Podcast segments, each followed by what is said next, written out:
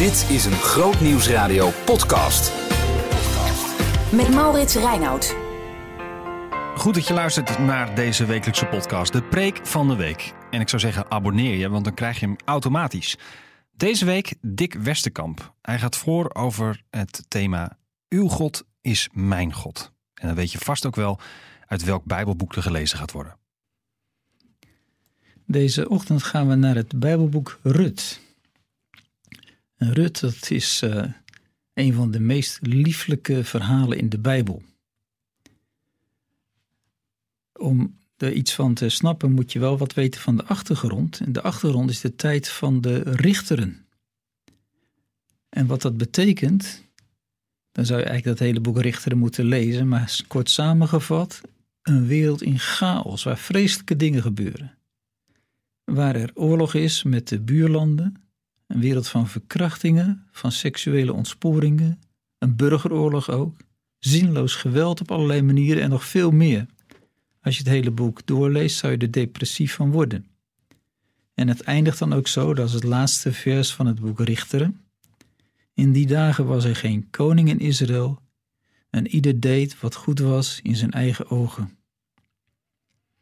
En dan sla de bladzijde om en ben je in het boek Rut. En dat is opeens een heel andere wereld. Een familiedrama. De achtergrond is nog steeds heel erg, maar de schoonheid van de personen waar het over gaat, die straalt daar des te meer doorheen. Speciaal Rut natuurlijk. Ik lees nu vers 1 tot 5 van het eerste hoofdstuk. In de dagen dat de richters leiding gaven aan het volk, gebeurde het dat er hongersnood was in het land. Daarom ging een man uit Bethlehem in Juda op weg om als vreemdeling in de vlakte van Moab te verblijven, hij, zijn vrouw en zijn twee zonen. De naam van die man was Elimelech, de naam van zijn vrouw Naomi en de namen van zijn twee zonen Machlon en Giljon. Efratieten uit Bethlehem in Juda. En ze kwamen in de vlakten van Moab en ze bleven daar. Elimelech, de man van Naomi, stierf en ze bleef achter met haar twee zonen. Die namen voor zich Moabitische vrouwen. De naam van de ene was Orpa en de naam van de andere Rut. En zij bleven daar ongeveer tien jaar. En die twee, Machlon en Giljon, stierven ook. Zo bleef die vrouw achter zonder haar twee zonen en zonder haar man.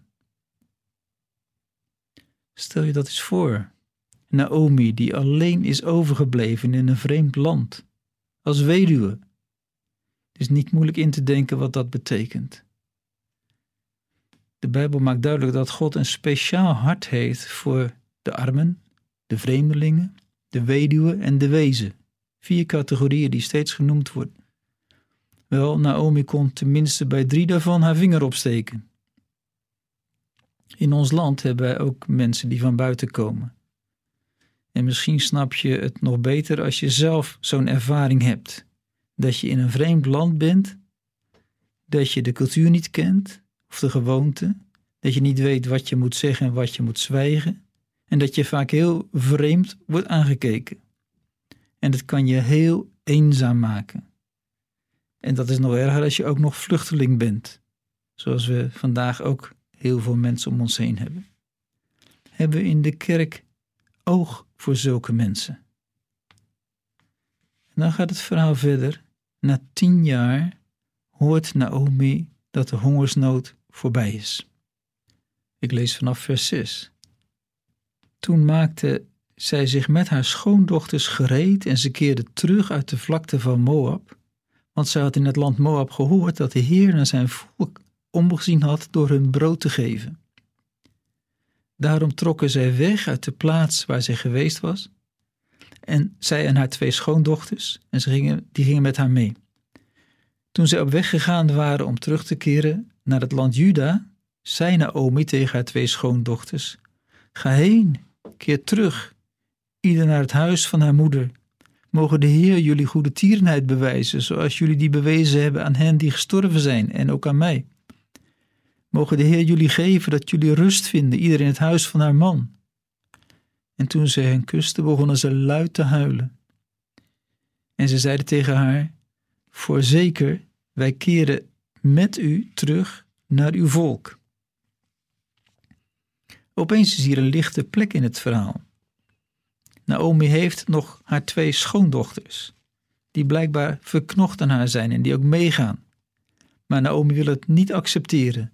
Ga toch naar je eigen volk, zegt ze. Er is voor jullie geen toekomst in Israël. En waarschijnlijk had ze daar nog gelijk in ook.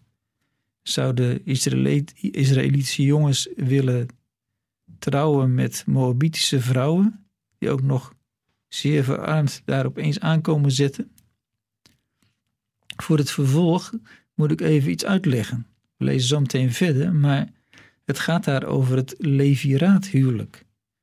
Dat is een voorschrift dat je vindt in onder andere in Deuteronomium, waarin God zegt als een man kinderloos sterft, dan moest in Israël de broer van die man trouwen met de weduwe. En het eerste kind dat geboren werd, telde dan als kind van de overledene, zodat de lijn van de geslachten intact bleef. Nu lezen we verder, vers 11. Maar Naomi zei tegen die twee schoondochters: Keer terug, mijn dochters. Waarom zouden jullie met mij meegaan? Heb ik nog zonen in mijn lichaam die jullie tot mannen zouden kunnen worden? Keer terug, mijn dochters, ga heen, want ik ben te oud om een man te hebben. Al zou ik zeggen, ik heb hoop, en al zou ik zelfs in deze nacht een man hebben, ja, zelfs zonen baren, zouden jullie dan wachten tot ze groot geworden waren, zodat jullie er dan van weerhouden om nu een man te hebben? Nee, mijn dochters, want het is voor mij veel bitterder dan voor jullie. De hand van de Heer is tegen mij uitgestrekt. Toen begonnen ze opnieuw luid te huilen en Orpa kuste haar schoonmoeder, maar Rut klampte zich aan haar vast. Daarom zei zij: Zie, je schoon, schoonzuster is teruggekeerd naar haar volk en naar haar goden. Keer ook terug, je, je schoonzuster achterna. Maar Rut zei: Dring er bij mij niet langer op aan u te verlaten en terug te gaan bij u vandaan.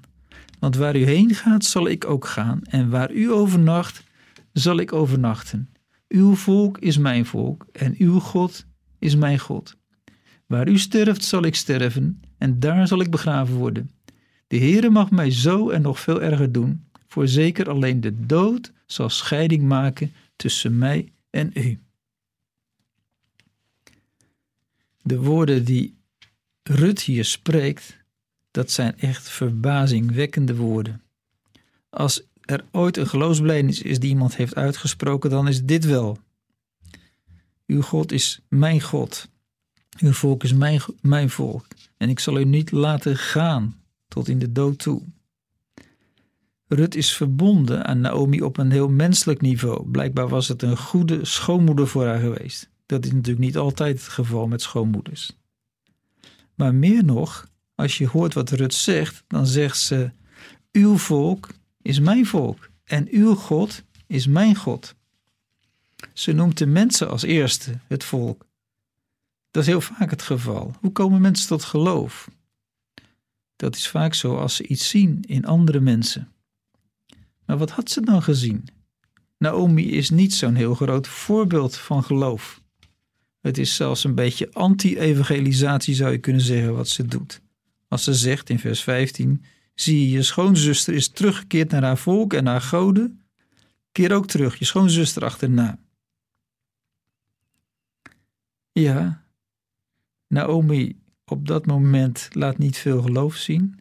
En toch was er iets doorgecijpeld. Iets wat Rut had getroffen. Deze familie, dit gezin, was anders dan alles wat ze kende in Moab. En het geheim daarvan was: God is aanwezig. En Rut had gedacht: maar dat, dat wil ik ook. En ze is bereid om zelfs alles wat haar lief is daarvoor achter te laten. Terug naar haar eigen goden, dat nooit. Ze heeft iets geproefd van God, God van Israël, en terug naar de goden, dat is geen optie meer. En dan spreekt Rut een eed uit. En ze gebruikt hier de naam van het verbond, de naam die God zichzelf geeft, waar hij mee zichzelf bekend gemaakt heeft, Yahweh, de Heer. Ik ben, ik ben er voor jou. Ze zegt, waar U sterft, zal ik sterven en daar zal ik begraven worden. En de Heer mag zo en nog veel erger doen, voorzeker alleen de dood zal scheiding maken tussen mij en u. Dat is een eetformule. En uh, het spreekt uit dat Rut absoluut overtuigd is dat dit is wat ze kiest. Ook in ons land komen er wel mensen tot geloof. Ook vandaag nog steeds. Mensen die beleidnis doen, die gedoopt worden. Ik vraag ze dan soms: waarom doe je het eigenlijk? Waarom zou je? Wat levert het je op? Want je maakt een keuze die niet altijd goed wordt opgenomen of begrepen in je omgeving. In dit deel van de wereld, als je bij de kerk gaat, dan ga je bij het verliezende team. Je wordt een vreemdeling in je eigen cultuur. Dat is in andere landen, zoals in Afrika, wel anders, maar hier is dat toch zeker zo. En toch, als je dan met mensen die zo'n keuze maken doorpraat, dan zeggen ze: Ja, maar ik wil niet anders meer. Waarom? Ja, er is een vreemde kracht die trekt van de andere kant. God zelf is aan het werk. En je weet, Hij is meer waard dan al die andere dingen. En daarom ga je tegen de stroom in. En dat is misschien niet eens zo verkeerd, want de Bijbel noemt ons als christen ook vreemdelingen op deze aarde, die een verwachting hebben van een beter vaderland. Rut gaat mee en ze gaan op weg naar het land Israël. Ik lees nog één vers, vers 19. Zo gingen zij samen verder, die twee, tot ze in Bethlehem kwamen. Rut is niet afgeschrikt door de woorden van Naomi. Moab lag aan de overzijde van de Jordaan. En ze steken samen die rivier over, zoals Israël ooit tevoren. Een heel volk, ouders en kinderen, een point of no return. Vaak wordt dat ook gezien, die doortocht door de Jordaan, als een beeld van de doop. Door het water heen. En zo komt Rut in een totaal ander land. Ze weet niet wat haar daar wacht. En dat is meer dan ze kon weten. Want het einde van het boekje, je moet het vooral even lezen als je dit hoort. Het is maar vier korte hoofdstukken en je leest het in vijf minuten helemaal door. Op het einde van het boekje blijkt dat Rut de bedovergrootmoeder van koning David is geworden. De schrijver heeft er duidelijk plezier in om ons dat te vertellen. Hij schrijft uh, misschien wel honderd jaar nadat deze geschiedenis speelt en hij weet hoe het verder is gegaan. Maar de geschiedenis gaat nog verder, veel verder dan zelfs die schrijver wist. Want als je dan nog verder leest in de hele Bijbel, dan kom je bij Matthäus 1, het geslachtsregister van Jezus. En daar vind je opnieuw de naam van Rut. Want via koning David is ze ook een van de voorouders geworden van Jezus Christus zelf. En deze eenvoudige vrouw uit het land Moab, een heidense natie vlakbij Israël, die is door God geroepen tot een wereldhistorische rol. Ze is onderdeel van Gods grote plan om de aarde te verlossen door zijn zoon, door Jezus. In het verhaal, zoals we het nu gelezen hebben, op dit punt zijn haar omstandigheden nog heel onzeker. Hoe zal dat gaan straks in Bethlehem, als ze daar zo straatarm aankomen? Hoe gaat zij met Naomi overleven? overleven? Ze weten het niet, maar God is trouw. Wij laten Rut hier achter met haar schoonmoeder. Maar als we om ons heen kijken naar de wereld, dan zien we ook een wereld in chaos, zoals die richtere tijd. Nu is corona wat ons bezighoudt, maar ook klimaatangst, het geweld rond antiracisme of racisme, allerlei demonstraties, politieke onrust. En te midden daarvan speelt ons kleine leventje. Wij kennen ook niet onze plek in Gods plan. Maar we kunnen leren dat onze keuzes ertoe doen.